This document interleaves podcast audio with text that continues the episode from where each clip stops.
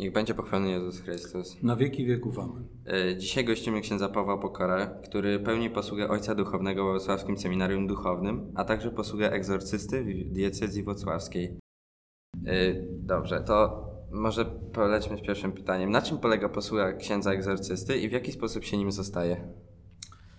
Jak się nim zostaje? Przede wszystkim mm, to nie jest mój pomysł na życie, bo nigdy nie jest tak, że egzorcysta sam sobie wybiera to zajęcie. Jest to propozycja. Oczywiście najczęściej ksiądz biskup tutaj proponuje przez księdza koordynatora, który proponuje taką posługę i w moim wypadku y, było przygotowanie trwające kilka lat, żeby wejść w zagadnienie, żeby uświadomić sobie, co to jest y, ta posługa, na czym ona polega. Y, No i potem dopiero po takim przygotowaniu, po kilku latach, jest decyzja, dekret księdza biskupa, który ustanawia egzorcystę i wtedy rzeczywiście już można rozpocząć posługę.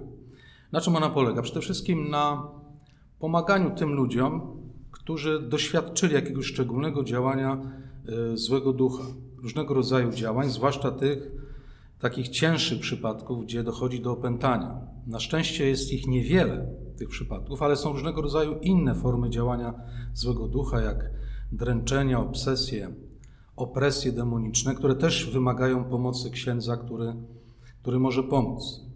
Natomiast, natomiast y, nie jest prostą sprawą kwestia rozeznania, bo czasami mogą być pewne sytuacje trudne związane z chorobą psychiczną, ale mamy pewne narzędzia, które, przez które możemy rozeznawać, możemy y, po prostu sami się przekonać, czy to jest rzeczywiście sprawa związana z działaniem złego ducha, czy to jest forma jakiejś choroby. Jeżeli się upewniamy, że to jest kwestia niechorobowa, ale związana z jakimś właśnie rzeczywiście działaniem demonicznym, to przystępujemy wtedy do egzorcyzmu, czyli takiego uroczystego, uroczystej modlitwy Kościoła, to jest tak zwane sakramentalium, przez które pomagamy komuś, kto y, doświadcza takich, takich demonicznych dręczeń, czy opresji, obsesji, czy y, najbardziej niebezpiecznego opętania. I wtedy rzeczywiście y, to różnie bywa, ale najczęściej jest to proces. To nie jest tak, że ktoś od razu po pierwszym razie musi być uwolniony, bo to na dobrą sprawę decyduje y, sam Bóg. Natomiast jeżeli Pan Bóg zobaczy, że ktoś się nawraca, ktoś chce naprawdę zwrócić do Boga, ktoś zaczyna się modlić, zaczyna się spowiadać, zaczyna traktować Pana Boga naprawdę na serio, no to wtedy, wtedy przychodzi taki moment uwolnienia. Ale to jest najczęściej proces i trzeba się na ten proces po prostu zgodzić. Ale przy okazji, jak ten proces trwa, no to jest coś pięknego, że człowiek też sam zaczyna wracać do Boga i również wraca do Boga rodzina. Dlatego to jest tak, tak ważne i dlatego również tym można tłumaczyć, że to, że to nie, nie, nie, dokonuje się tak nagle. Że to jest po prostu jakaś dłuższa sprawa, na którą trzeba się po prostu zgodzić i z Panem Bogiem współpracować. I wtedy rzeczywiście można doświadczyć Jego działania. Okej, a jak e, w ogóle rozpoznać opętanie i też czy wygląda to tak jak na współczesnych filmach? Znaczy, filmy najczęściej są trochę przerys- przerysowane, natomiast pewne elementy prawdy są w tych filmach. Ale nie można powiedzieć, że, że filmy oddają całą prawdę, bo najczęściej filmy się robi pod tak zwaną publiczkę, żeby to było ekscytujące, żeby to było jakoś pobudzające, podniecające, żeby zrobić z tego jakiś tam monstrum na przykład. Natomiast takie rzeczy się zdarzają, jak pokazują niektóre filmy, ale raczej nie w takiej formie, nie z taką częstotliwością.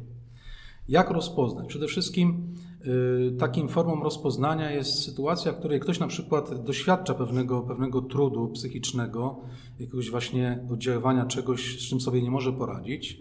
Nawet nie wiedząc o tym, próbuje się leczyć psychiatrycznie i na przykład działanie, leczenie psychiatryczne nic nie daje. Nie, nie ma jakichś takich wyraźnych efektów. I dopiero wtedy właśnie y, okazuje się, na przykład, że leki nie działają, gdy typowe, typowe działanie mm, farmakologiczne nie, jest skuteczne, ktoś się może zgłosić do księdza. I takim, znaczy można powiedzieć, takim klasycznymi formami czy oznakami działania złego ducha y, jest przede wszystkim y, pewna, pewna awersja do sakrum. Na przykład ktoś doświadcza, że bardzo nie może na przykład wejść do kościoła, nie może się modlić. Y, Ma jakąś wielką na przykład również awersję do osób poświęconych Bogu, duchownych, czy w ogóle wszystkich miejsc, czy znaków, czy obrazów, czy krzyża, że od razu odczuwa jakąś właśnie formę awersji, to może to, może to wskazywać, nie zawsze tak jest, ale może to wskazywać na działanie demoniczne. Co jeszcze jest takiego charakterystycznego? Na przykład ktoś zaczyna mówić językami, których, których nie zna. Albo na przykład ma pewną wiedzę, ma pewną wiedzę yy, ukrytą, której nie mógł się nauczyć w sposób taki zwykły, normalny. I to powoduje, że yy, ktoś no, zaczyna w dziwny sposób się zachowywać. Nie? I to można, jak ktoś tego człowieka się obserwuje, to zauważyć, ale on tak samo może to zobaczyć, no, ale najlepiej, jeżeli to jest rozeznane przez kogoś, kto na co dzień właśnie się zajmuje tymi sprawami, to właśnie to często robi e, ksiądz egzorcysta. Mhm. Również są inne takie sprawy, które mogą, mogą też e, na to wskazywać, że na przykład są jakieś problemy w ogóle z komunikacją, ktoś zaczyna się gdzieś tam izolować, ktoś przestaje mieć normalny kontakt z ludźmi, ktoś zaczyna mieć takie depresyjne myśli, niechęć do siebie, do innych, jakaś nienawiść irracjonalna. Był do tej pory bardzo dobrym, otwartym człowiekiem. Teraz zaczyna być człowiekiem zupełnie z innej planety. I wtedy jest taka, taka szansa, taka okazja, żeby to zweryfikować. I wtedy rzeczywiście, jeżeli y, uznamy, rozeznamy, że jest to problem rzeczywiście demoniczny, zaczyna się y, modlitwa egzorcystyczna. Natomiast, natomiast to nie jest tak, że szybko tu się podejmuje decyzję, bo nie wolno tutaj szybko, jakoś tak no, mm, pochopnie podejmować decyzji, bo to jest poważna sprawa. Trzeba robić to z umiarem, pytać się Pana Boga, właśnie rozeznawać te, te te efekty, no i też patrzeć, co się dzieje po modlitwie. Jeżeli się okaże, że na przykład komuś się polepsza, tak, że jest inaczej, że łatwiej mu jest funkcjonować, że zaczyna trochę powracać jakby do normalności, to jest pewien sygnał, że to może być rzeczywiście problem duchowy. Natomiast jeżeli, jeżeli się nic nie zmienia, sytuacja się jakoś tam po prostu nie zmienia w kontekście takim, że, że ktoś nie powraca do normalności, no to rzeczywiście jest pewien sygnał, jest pewien sygnał, że to może być jakaś inny jeszcze problem. Tak. Tego to jest, to jest trudne, nie zawsze jest takie łatwe. Okay. Powiedział ksiądz, że y, właśnie też roz, można rozpoznać po tym, że ktoś nagle ma jakąś wiedzę, o której nie miał mhm. i zachowuje się w dziwny sposób, czyli można stwierdzić, że wtedy przemawia przez niego demon? Można, dlatego że w pewnych momentach y, demon może się przez tę osobę w jakiś sposób ujawnić. To, to się nazywa tak zwana manifestacja. Na przykład takim, taką formą manifestacji jest też jakaś oznaka działania demona, nadludzka siła. Na przykład może być jakaś skromna, filigranowa osoba, mająca tam 50-60 kg, na przykład dziewczyna, i, i ją musi trzymać 5-6 osób. Gdy normalnie nie było problemu, żeby jedna osoba mogła to zrobić, jak jest w normalnej takiej sytuacji. Okazuje się, że demon również może się manifestować przez taką nadludzką siłę, która może wskazywać na jego, na jego działanie na jego działania. Oczywiście to trzeba rozeznawać, bo czasami w niektórych chorobach psychicznych ten element tak samo istnieje. Ale o właśnie to jest też bardzo ważna sprawa. Gdy mamy do czynienia z opętaniem, y, będą te symptomy połączone. Im więcej jest połączonych, tym bardziej wskazuje na działanie demoniczne. Okej, okay, a czy mm, jest możliwe, żeby podczas y, odprawiania egzorcyzmów można było porozmawiać z demonem jako ksiądz egzorcysta może? Znaczy tak, y, nie jest to wykluczone, chociaż są, można powiedzieć, dwie szkoły podejścia do tego. Y, Jezus mówił w Ewangelii, y, żeby raczej nie dyskutować ze złym duchem, tylko po prostu modlić się do Pana Boga, żeby on uwolnił. Dlaczego? Bo nigdy nie wiemy, czy demon mówi prawdę. On nie ma, nie ma obowiązku mówić prawdy. Czasami musi powiedzieć prawdę z nakazu Bożego. Ale to nie jest tak, jak nam się wydaje, że on zawsze powie to, co jest prawdziwe, autentyczne. Dlatego na przykład moje doświadczenie jest takie, żeby nie, nie dyskutować z demonem, nawet jeżeli się ujawnia. Ale ja wiem na przykład, że niektórzy egzorcyści to robią, bo mają swoje doświadczenie, że to im pomaga. Ja mam po prostu takie, takie swoje doświadczenie, że raczej, raczej skupiam się bardziej na modlitwie, na polecaniu e, tego człowieka Bogu, bo w moim odczuciu jest to najistotniejsze. To nie ja uwalniam, to Pan Bóg uwalnia. Ja mam pokornie się modlić. Ja mu pokornie się modlę, żeby Pan Bóg zadziałał. Dobrze, a y, w takim razie jakie są największe zagrożenia duchowe dzisiejszych czasów? Przede wszystkim takim, można powiedzieć, najważniejszym, największym zagrożeniem to jest okultyzm, ezoteryzm, magia, wróżbiarstwo i satanizm. To są takie rzeczy, które można powiedzieć są najbardziej niebezpieczne, czyli takie grzechy typowo związane mm, z pierwszym przykazaniem, przekroczeniem pierwszego przykazania. A na ogół właśnie y, ludzie na ogół nie widzą tutaj problemu. Traktują to jako formę zabawy, różnego rodzaju formę takiego, no nie wiem, y, rozrywki, tak, coś ekscytującego, coś się dzieje. Niebezpieczne również wołanie duchów na przykład, zwłaszcza to młodzież robi dzieci, uważa, że to jest jakieś takie fajne, nie? bo coś się dzieje. Natomiast ludzie nie zdają sobie sprawy, że przez takie praktyki zapraszają demona. Z czego to wynika? Z tego to wynika, że cała magia, okultyzm, ezoteryzm bazuje na tak zwanej wiedzy o przyszłości. A przecież okazuje się, że z Biblii, z nauki Kościoła wynika, że o przyszłości może wiedzieć tylko i wyłącznie Pan Bóg. A skoro Pan Bóg tylko i wyłącznie wie, to jeżeli ktokolwiek inny próbuje to robić, to wchodzi w prerogatywy Boga, czyli wchodzi w funkcję Boga, czyli próbuje małpować Pana Boga. I to jest bardzo niebezpieczne, bo zaczyna człowiek uważać się, jakby był Bogiem. I to jest, i to jest niebezpieczne. I wtedy rzeczywiście szatan może mieć do tego człowieka dostęp. I wtedy mogą się dziać niepotrzebne rzeczy. Okej, okay, a na przykład filmy, filmy, książki lub seriale mogą być przyczyną, o tematyce magicznej oczywiście, mogą być przyczyną zniewolenia? Mogą być, chociaż y, nie muszą. Dlaczego? Bo y, nie zawsze to działa tak automatycznie i zależnie też od otwartości serca. Natomiast, natomiast pewnego rodzaju filmy, programy też są w ten sposób y, wytwarzane, aby wiązać człowieka z tą rzeczywistością. Dlatego radzi się, żeby tych rzeczy nie wchodzić. Żeby w te rzeczy nie wchodzić, bo one mogą być niebezpieczne. Mogą powodować pewne zakażenie wewnętrzne. I potem to się może rozwijać, na przykład niezdrowa ciekawość. Teraz komuś się spodoba jakiś film, bo jest dreszczyk na przykład, nie? a ktoś nie wie, że przez to się pozwala złemu działać w moim sercu. Na przykład może się osłabiać wtedy wiara, może się osłabiać moja wrażliwość, może się osłabiać we mnie na przykład jakieś takie głębsze przyjęcie do Pana Boga, bo tam to mnie fascynuje bardziej. Ale to za mało, że coś fascynuje.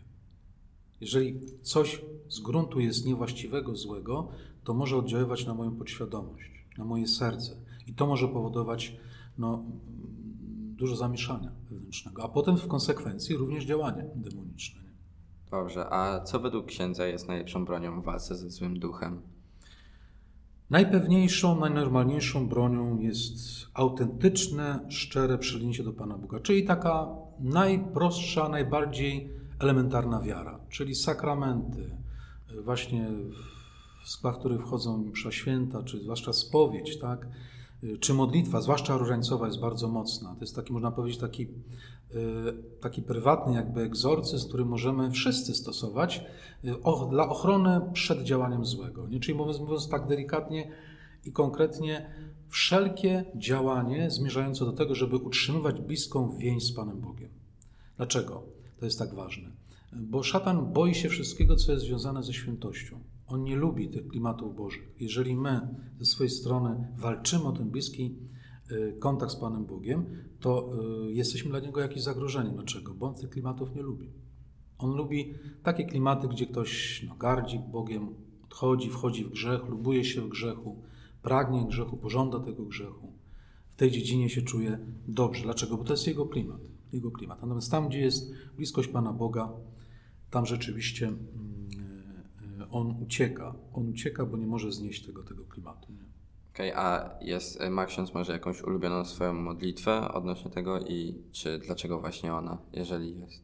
No moją właśnie taką ulubioną modlitwą jest różaniec. Tak jak mogę, yy, ile tylko mogę, to modlę się i widzę, jak Pan Bóg yy, przez Matkę Bożą w szczególny sposób tutaj działa i pokazuje, uspokaja, daje siły, moc, motywację, taką radość wewnętrzną, świadomość, że jest ktoś, kto, kto chroni. On zły bardzo nie, nienawidzi Matki Bożej, bo ona jest najbliżej ze stworzeń Jezusa.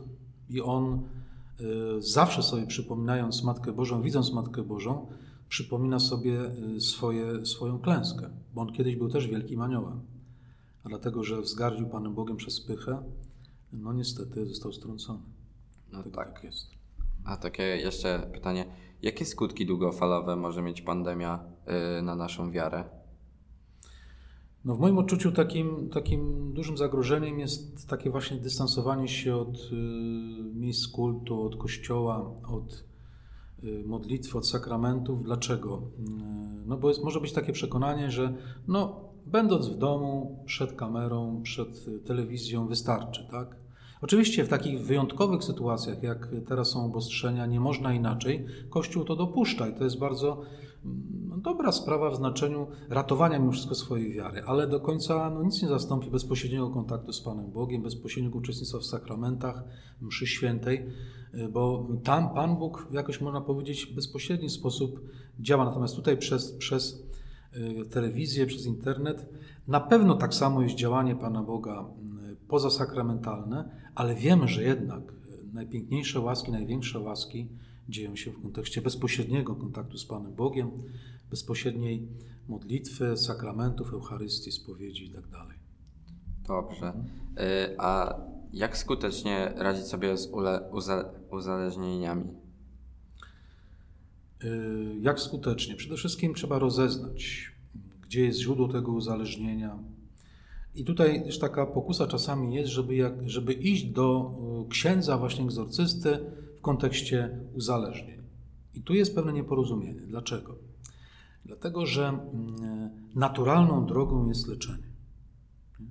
Naturalną drogą jest na przykład, jeżeli ktoś jest y, y, związany z alkoholizmem, no powinna być na przykład najpierw tak zwana detoksykacja, czyli oczyszczenie organizmu od działania alkoholu. Potem powinno być też leczenie w pewnym ośrodku zamkniętym, gdzie dokonuje się, można powiedzieć, takie mm, psychologiczne wychodzenie z uzależnienia. Nie? Są różnego rodzaju takie ośrodki, które, które leczą uzależnienie. Dopiero potem, jak człowiek przechodzi te etapy, y, powinien wejść na przykład takiej grupy stałej.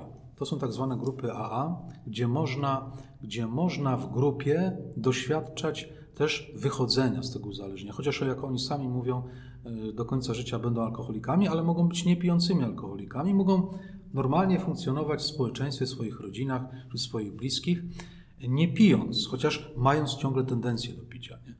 Dlatego e, tutaj e, ja bym nie wiązał e, uzależnień z modlitwą księdza, chociaż to nie jest wykluczone, żeby ja jako ksiądz mogę się modlić nad alkoholikiem, ale bardziej w tym kontekście, żeby mu pomóc, poprosić Pana Boga, żeby ten człowiek miał odwagę do walki, miał odwagę do właśnie wychodzenia z tego nałogu, miał odwagę do chodzenia na te spotkania, do modlitwy w tej intencji. Natomiast, natomiast nie na zasadzie takiej, że jak pójdę do egzorcysty, on się pomodli i nie będę miał nałogu. Chociaż historia jest dynamiczna, Pan Bóg jest wszechmogący i może tak być, że są takie sytuacje wyjątkowe, ale są, że ktoś na przykład jest alkoholikiem, ma głęboką, wielką wiarę, yy, gdzieś modli się naprawdę do Pana Boga z całego serca i Pan Bóg może, może uwolnić również z alkoholizmu. Czyli ja nie mówię, że nie, ale to są raczej wyjątkowe sytuacje. Natomiast taka naturalna droga to są etapy, o których mówiłem. To jest naturalna droga. Okej, okay, a uzależnienie może doprowadzić do jakiegoś zniewolenia, opętania? Tak, to może i zdarzają się takie sytuacje, że właśnie nieleczone uzależnienia, człowiek sobie nic z tym nie robi, tylko brnie, może to dopuszczać do działania demonicznego. Dlaczego? Bo, bo człowiek wtedy staje się bezwolny. No przecież człowiek jest pod wpływem alkoholu, robi często straszne rzeczy. Nie? Można nawet człowieka zabić po pijanemu, tak jadąc samochodem. Można powiedzieć niepotrzebne słowa czy gesty, czy użyć jakiejś siły przemocy w rodzinie. I wtedy człowiek potem sam mówią, jak oni mówią, mm, alkoholicy, że to jakbym ja sam tego nie czynił. Jakby ktoś inny mi coś takiego proponował. I to rzeczywiście tak można tłumaczyć też jakieś działanie demoniczne. Nie? To jest możliwe, żeby coś takiego się działo. Okej. Okay. A co robić, aby rozeznać powołanie? Y, co robić? Przede wszystkim najpierw spokojnie siebie obserwować. Tak? Czy na przykład, y, ja mówię tutaj w kontekście na przykład powołania kapłańskiego czy zakonnego. Na przykład jeżeli jakoś kogoś młodego człowieka, czy młodą dziewczynę, chłopaka czy dziewczynę ciągnie mm, w takie klimaty wiary, nie? lubi się modlić, lubi przebywać w kościele, lubi takie klimaty modlitewne, jakieś wspólnotowe, gdzie rzeczywiście uwielbia się Pana Boga i czuje takie, takie można powiedzieć, przyjęcie do Pana Boga na co dzień i dobrze się czuje w tych klimatach, to może być taki pierwszy sygnał, że Pan Bóg wzywa, że Pan Bóg chce mnie do siebie zaprosić, aby swoje życie Jemu oddać. Nie? Co jest jeszcze takim ważnym elementem? Innym ważnym elementem mogą być takie spotkania, czy, czy jakieś nawet rekolekcje, czy jakieś krótkie nawet wizyty u kogoś, to może mi pomóc w takim rozeznaniu, tak? Ja też miałem taką praktykę, że nawet przychodzili też y, chłopcy, którzy nie byli seminarzystami, nie byli klerykami, ale prosili o taką rozmowę na zasadzie takiego rozeznania swojej drogi powołania. I wtedy była możliwość, żeby właśnie rozeznać, czyli zastanowić się, czy to, co mam w sercu, czy to, co czuję, że mnie Pan Bóg powołuje, czy to jest tylko mój jakiś wymysł, czy są jakieś takie obiektywne, jakieś e, sygnały, symptomy, które by o tym świadczyły. Dlatego nie tylko obserwacja siebie, ale ważne jest również takie właśnie rozmowy z innymi ludźmi albo takie wybieranie takich spotkań, rekolekcji. E, na pewno e, tutaj wiecie o tym, że w naszym seminarium były organizowane rekolekcje właśnie dla, dla maturzystów czy, czy, czy, czy, czy, czy chłopców, którzy też no, chcieliby kiedyś y, być kapłanami, czy w ogóle rozeznają tę sprawę, że też można w takich uczestniczyć rekolekcjach. Oczywiście teraz ze względu na pandemię nie, nie może być tych rekolekcji, ale ufamy, że po y, niedługim czasie będziemy mogli dalej organizować takie rekolekcje. Jest to możliwe. A y, jak czy ma ksiądz jakieś rady dla współczesnej młodzieży? Jak się na przykład bronić przed zagrożeniami, czy co mhm. robić? Y, bym radził współczesnej młodzieży, żeby szybko nie rezygnowała z Pana Boga. Na pewno tutaj słyszeliście, że jakaś grupa młodzieży mm, podpisuje takie deklaracje niewiary, apostazji. To jest bardzo niebezpieczna sprawa, bo mm, na dobrą sprawę nie można wyrzec się chrztu. To jest niezatarte z nami przynależności do Chrystusa. Jeżeli ja chcę jakoś formalnie powiedzieć, że w Boga nie wierzę, czy wychodzę z Kościoła, to to są, mogą być naprawdę mm, no, kolosalne tego skutki. I czasami może być tak, że y, ktoś, młody człowiek, może nawet z tego sobie nie zdawać sprawy, jakie są, mogą być duże tego konsekwencje. Dlatego co robić, żeby jakoś być blisko Pana Boga? Przede wszystkim y, nie bać się takich szczerych rozmów na temat sensu życia, wartości życia, nie bać się takich rozmów y, ze swoimi kolegami, koleżankami, żeby na przykład rozeznawać, o co w życiu chodzi, co jest naprawdę ważne. Rozmawiać o tym, o co naprawdę chodzi w miłości. Nie? Rozmawiać o co chodzi w szczęściu prawdziwym. Ale nie na zasadzie takiej pobieżnej, ale takiej głębokiej. Wybierać takie klimaty, takie wspólnoty, takich ludzi, którzy reprezentują sobą jakiś pewien poziom y, duchowy, wewnętrzny, wysoki, który może pomóc. Może pomóc takim, można powiedzieć, no, rozwoju i rozeznaniu takiej drogi. I to by byłoby, uważam, bardzo, bardzo ciekawe i fajne, ale oczywiście trzeba chcieć. Nic na siłę, nic na siłę, ale zaproponować, wskazać, pokazać możliwości. To jest jak najbardziej możliwe. Dobrze, jeszcze takie pytanie, czy yy, w sumie teraz bardzo popularne jest oglądanie horrorów i dużo młodzieży to robi, a czy E, według księdza oglądanie horrorów ma jakiś bardzo duży wpływ na nas, na naszą psychikę i czy może właśnie nas opętać samo oglądanie? Czy... Znaczy, może opętanie to raczej niekoniecznie następuje tak, tak po prostu. Dlaczego? Dlatego, że do opętania dochodzi wtedy, gdy człowiek się bezpośrednio deklaruje, że chce iść w kierunku na przykład złego. Jakieś tam cyrografy podpisują ludzie z diabłem, czy chodzą do seks satanistycznych czy wprost się wyrzekają Pana Boga. To są najbardziej niebezpieczne rzeczy i wtedy może nastąpić opętanie. Natomiast nie, niekoniecznie opętanie po horrorach może nastąpić, ale na przykład mogą, mogą nastąpić dręczenia, opresje, obsesje, czy na przykład mogą być jakieś y, straszne sny potem, tak? bo psychika zostaje naruszona. Dalej, może być coś takiego, co będzie w człowieku jakimś wewnętrznym takim, no strachem. Na przykład ktoś na przykład nie bał się, a od tej pory, jak zaczął oglądać horrory, nie może zasnąć. To już może być jakaś forma działania demonicznego w formie jakiejś na przykład opresji czy obsesji, że to zły może wpływać na nasz, nasze serce, nasze wnętrze, naszą psychikę i może nam utrudniać potem życie. I takie mogą, mogą być takie, często się zdarzają takie, a poza tym to jest to cywilizacja śmierci, bo tam generalnie chodzi o to, żeby gdzieś tam kogoś zabić, zniszczyć, podeptać jego godność, a to na pewno nie są klimaty Boże. I czasami możemy to traktować jako rozrywkę, natomiast czasami ta rozrywka powoduje rzeczywiste rozerwanie naszego, naszego wnętrza, naszej osobowości, naszej równowagi psychicznej. Okej, okay, ale właśnie czy jak po horrorach ludzie właśnie mają złe sny albo zwidy, jakieś odczucia, to czy to już jest jakaś oznaka dla człowieka, że powinien na przykład y, porozmawiać z księdzem o tym? Na pewno nigdy nie zaszkodzi tylko po prostu obserwować, czy to jest notoryczne, bo czasami może być tak, że to jest jednostkowe doświadczenie i to już tak nie musi być od razu problem. Natomiast ważne jest, żeby takich, po prostu takie klimaty nie wchodzić. Jeżeli ja mam świadomość, że to jest coś nie tak, to chyba naturalną i taką logiczną sprawą jest, nie wchodzę w teren, na teren wroga, mm, który może mnie zranić, nie? może spowodować moje jakieś zamieszanie serca. Nie?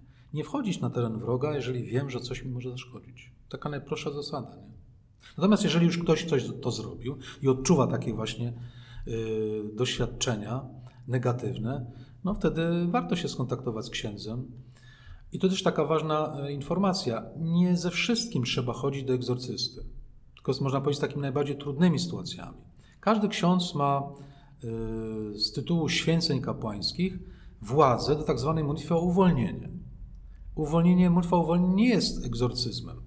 Jest zwykłą modlitwą, którą każdy ksiądz może przeprowadzić na mocy swoich święceń kapłańskich. Wtedy można wtedy do swojego duszpasterza, księdza, którego znam, udać się, poprosić o taką konsultację i ewentualnie również y, o modlitwę, o uwolnienie na przykład. Jeżeli jest otwarte serce, jest chęć, jest dobra wola, żeby to robić, na pewno każdy ksiądz odpowie na to, na te sugestie. Dobrze. Na dzisiaj to już tyle. Dziękujemy księdzu, że przyjął ksiądz nasze zaproszenie. Dziękujemy też za odpowiedzi. Yy, dziękujemy za oglądanie. Z Panem Bogiem. Z Panem Bogiem nie będzie pochwalony Jezus Chrystus. Szczęść Boże. Szczęść Boże.